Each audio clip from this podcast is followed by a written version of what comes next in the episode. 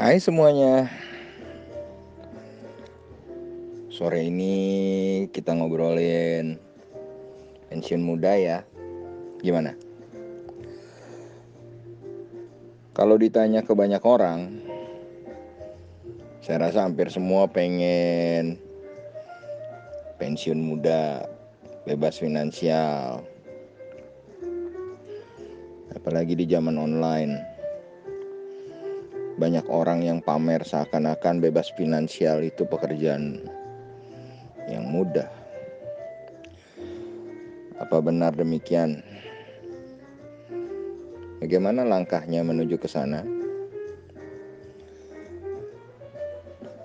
Untuk mencapai sebuah kebebasan finansial, kita harus mencapai aset yang bisa menghasilkan pendapatan konsisten untuk membiayai pengeluaran kita. Berapa targetnya? Semua balik lagi tergantung pengeluaran kita. Kalau di saham, di trading saham ada yang bilang trading for living.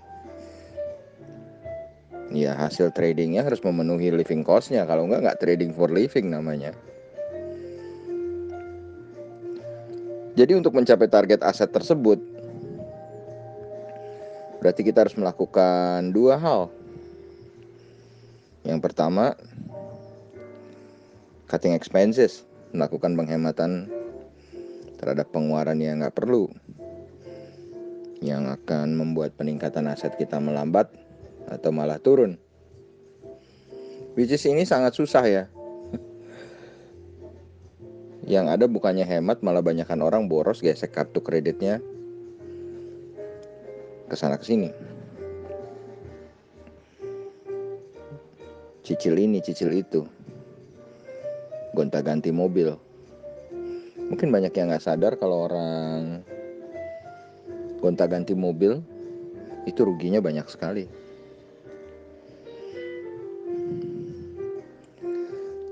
Tapi yang namanya gengsi katanya hidup cuma sekali. Lalu yang kedua adalah meningkatkan kapasitas diri. Dengan meningkatkan kapasitas diri, penghasilan kita juga meningkat dengan lebih cepat.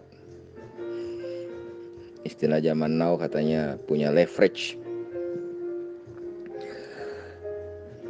Lalu dengan segala perkembangan kita bisa memperkirakan lamanya waktu yang diperlukan untuk mencapai level yang cukup nyaman untuk pensiun. Kadang kita membayangkan sebuah angka yang sangat jauh. Sehingga kita berusaha menawar level pensiun kita. Misalnya 10 miliar, 5 miliar, 1 juta US dollar. Tujuannya biar lebih gampang tercapai, atau mungkin udah bosan dengan kondisi yang sekarang. Angka pensiun minimalis tentu akan membuat resiko meningkat. Kita nggak tahu apa yang terjadi di masa depan. Apakah inflasi tiba-tiba naik? Atau kebutuhan kita yang meningkat tajam, misalnya biaya kesehatan naik. Sudah bosan dengan kondisi sekarang juga buat kita pengen cepet-cepet pensiun. Ini membuat kata-kata pensiun muda, sukses before 30 jadi menarik. Tapi bayangin deh jika kita orang yang dari latar belakang biasa aja mau ngumpulin uang miliar-miliar itu jelas butuh waktu. Yang pertama adalah nabung. Kemudian tabungan ini kita investkan atau ditaruh di investasi atau instrumen yang mampu menghasilkan hasil yang lebih cepat.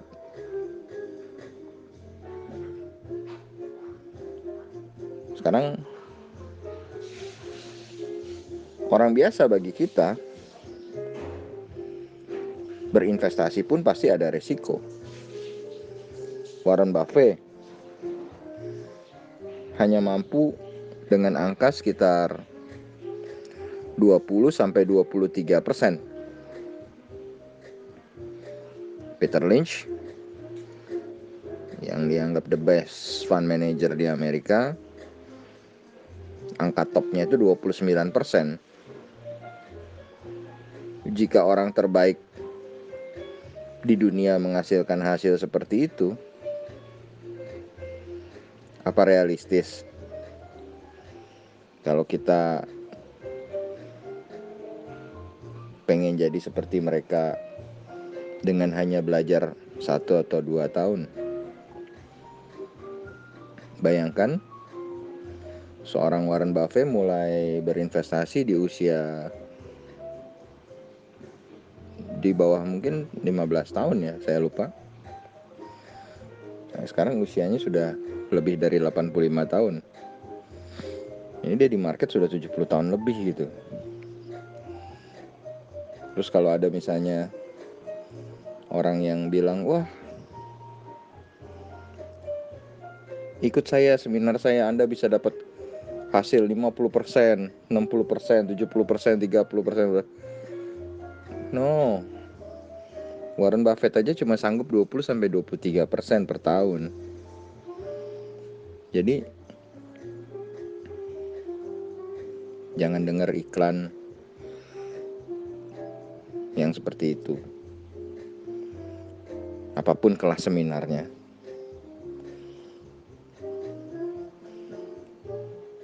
Nah, sekarang bayangkan kalau Warren Buffett aja butuh waktu dan hanya menghasilkan 20 sampai 23% per tahun. Ya kita pun butuh waktu yang lumayan. Pengalaman yang juga nggak sedikit untuk mencapai target yang kita inginkan. Buffett menghabiskan waktunya untuk meningkatkan diri dan mencari informasi melalui segala berita, mencatat. Peter Lynch juga seperti itu. Berusaha secepat mungkin jadi kaya atau pensiun, malah jadi kadang men menjadi masalah yang sangat krusial. Kita bisa saja terjebak pada money game, investasi bodong, janji-janji uang banyak, atau bahkan sekarang yang lebih ngetren ada robot, robot, robot forex, robot saham, robot ini, robot itu. Ya simpelnya kalau robot itu bagus banget, kenapa harus dijual? Kenapa dia nggak pakai sendiri? Dan kalau dijual kenapa murah banget jualnya?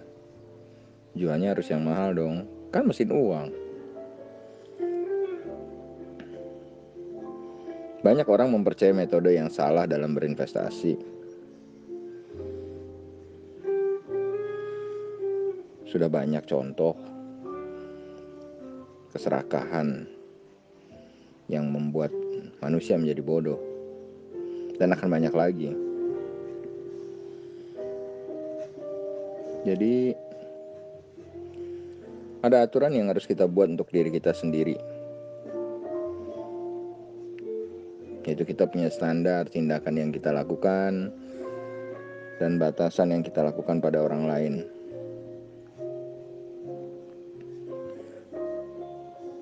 dunia cukup untuk semua tapi nggak akan cukup untuk yang merasa kekurangan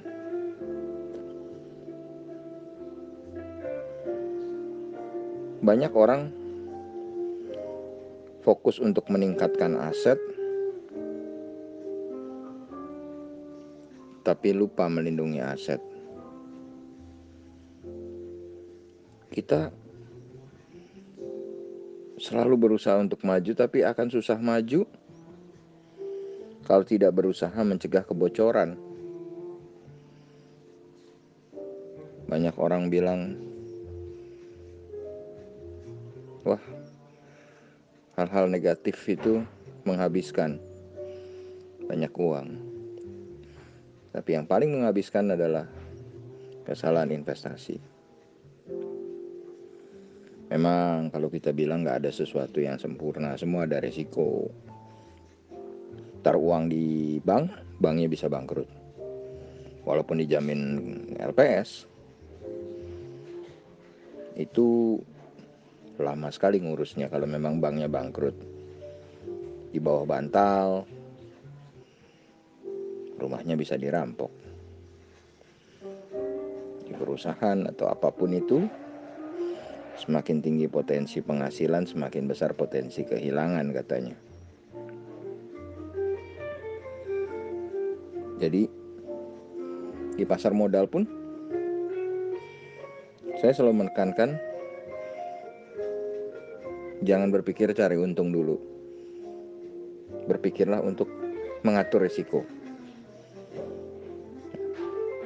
Karena dengan mengatur risiko dengan baik,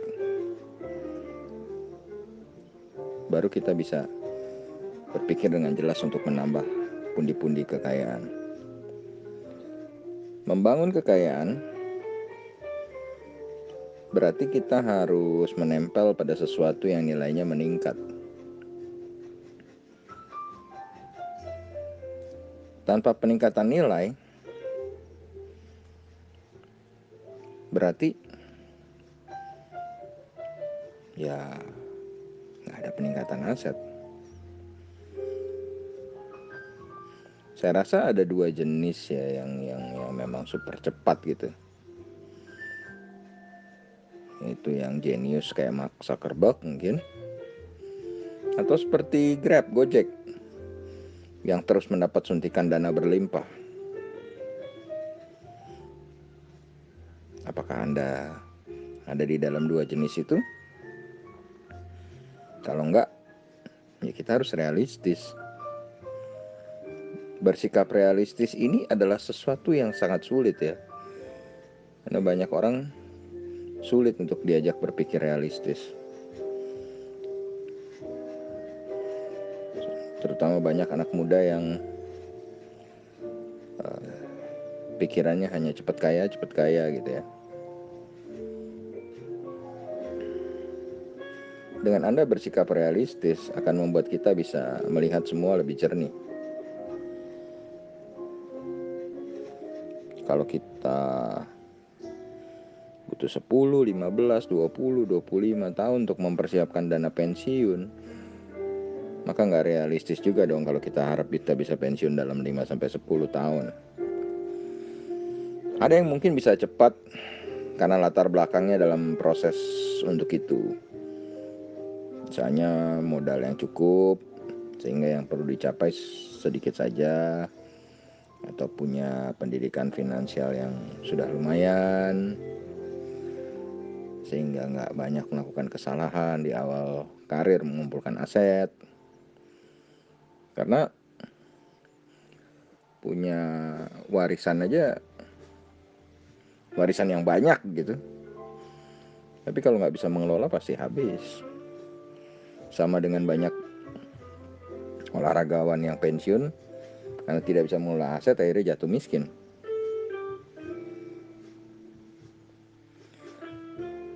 Anda nggak punya pengalaman atau hanya sedikit pengalaman, mulai dari kecil adalah yang terbaik. Kita melakukan banyak kesalahan mungkin, tapi nggak sampai membuat kapal kita karam. Setiap kesalahan yang kita lakukan akan menjadi pelajaran. Kita boleh membaca buku dari yang telah berhasil, tapi kita belajar dari kesalahan yang mereka lakukan. Jadi, selama perjalanan mengumpulkan aset, kita akan terus-menerus menyesuaikan kecepatan, arah kapal, tapi yang paling penting adalah menjaga keutuhan kapal kita. Jangan sampai karam. Nggak ada gunanya kita hari ini mencapai kecepatan 100 km. Tapi besoknya kapal kita karam. Sama juga di investasi, nggak ada gunanya profit besar hari ini, tapi bulan depan udah berhenti. Berhenti karena rugi, karena bangkrut. Berhenti sebelum mencapai target angka pensiun. Saat ini zaman zaman internet. Hati-hati banyak yang menjanjikan hal-hal yang tidak realistis, seminar-seminar yang tidak realistis, kelas-kelas yang tidak realistis. Kalau Anda ingin belajar, carilah pelajaran yang realistis dan yang mengedepankan risiko. Jangan pernah membandingkan Anda dengan orang lain. Karena kita semua punya latar belakang yang berbeda, tingkat pendidikan yang berbeda, tingkat keekonomian yang berbeda, dan setiap orang punya waktunya sendiri dalam mencapai hasil yang diinginkan. Yang perlu kita bandingkan adalah apakah kita lebih maju dibanding diri kita yang kemarin. Howard Marks pernah mengatakan bahwa pencapaian kita seharusnya diukur dengan diri kita sendiri bukan dengan orang lain. Kita harus secara konsisten melakukan pengecekan apakah kita selalu berada di jalur untuk mencapai tujuan besar kita. Selalu cek pengeluaran kita, pendapatan kita, pertumbuhan aset kita, tujuan besar ini akan kita gunakan sebagai pedoman dalam melakukan tujuan jangka pendek yang lebih kecil dan gampang. Asal selalu kita perhatikan tujuan jangka pendek kita haruslah menunjang tujuan jangka panjang kita. Jangan sampai misalnya kita dari Jakarta pengen ke Bali harusnya kan terus ke timur ya. Tapi jangan malah nanti sesudah jalan mungkin sampai Jawa Tengah kita melenceng dulu. Ke mana? Nanti kita sudah sampai Surabaya melenceng lagi. Jadi dalam berinvestasi tujuan kita adalah untuk membentuk sebuah kebun uang. Jadi apakah tujuan besar kita? Tujuan besar kita adalah untuk memiliki aset yang cukup untuk kita pensiun. Itu betul. Tapi harus bersikap realistis dan harus berusaha terus merasa berkecukupan dan berbahagia menjalaninya. Karena uh, kalau Anda menjalaninya terlalu berlebihan dan terhimpit stres kemudian Anda jatuh sakit atau stroke nggak bagus juga.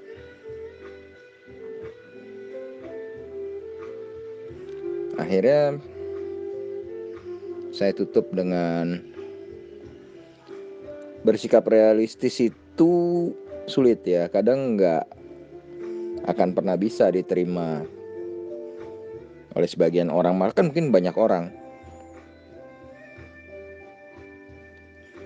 Selalu ada banyak orang yang nggak setuju kalau mencapai pensiun itu butuh waktu nggak bisa gerasa gerusu nggak bisa yang sukses before 30 yang kayak gitu lalu kita cross dengan Warren Buffett yang pernah ditanya Mr. Buffett kalau cara Anda mudah Mengapa nggak banyak yang berhasil melakukannya? Jawaban Buffet, karena mereka yang nggak berhasil itu adalah orang yang nggak mau kaya dengan pelan-pelan. Itu jawaban Warren Buffett. Artinya, hampir kebanyakan orang pengennya cepat, instan, cepat, instan. Padahal yakinlah, yang namanya mie instan pun tetap butuh masak air. Sampai mendidih baru mie dimasukkan kemudian diaduk-aduk dan sebagainya. Jadi mie instan nggak juga instan sekali gitu ya. Perlu tetap proses. Jadi mari sama-sama berproses dengan realistis dengan bersyukur berbahagia untuk mencapai tujuan kita pensiun senyaman mungkin dan sebahagia mungkin. Semoga bermanfaat.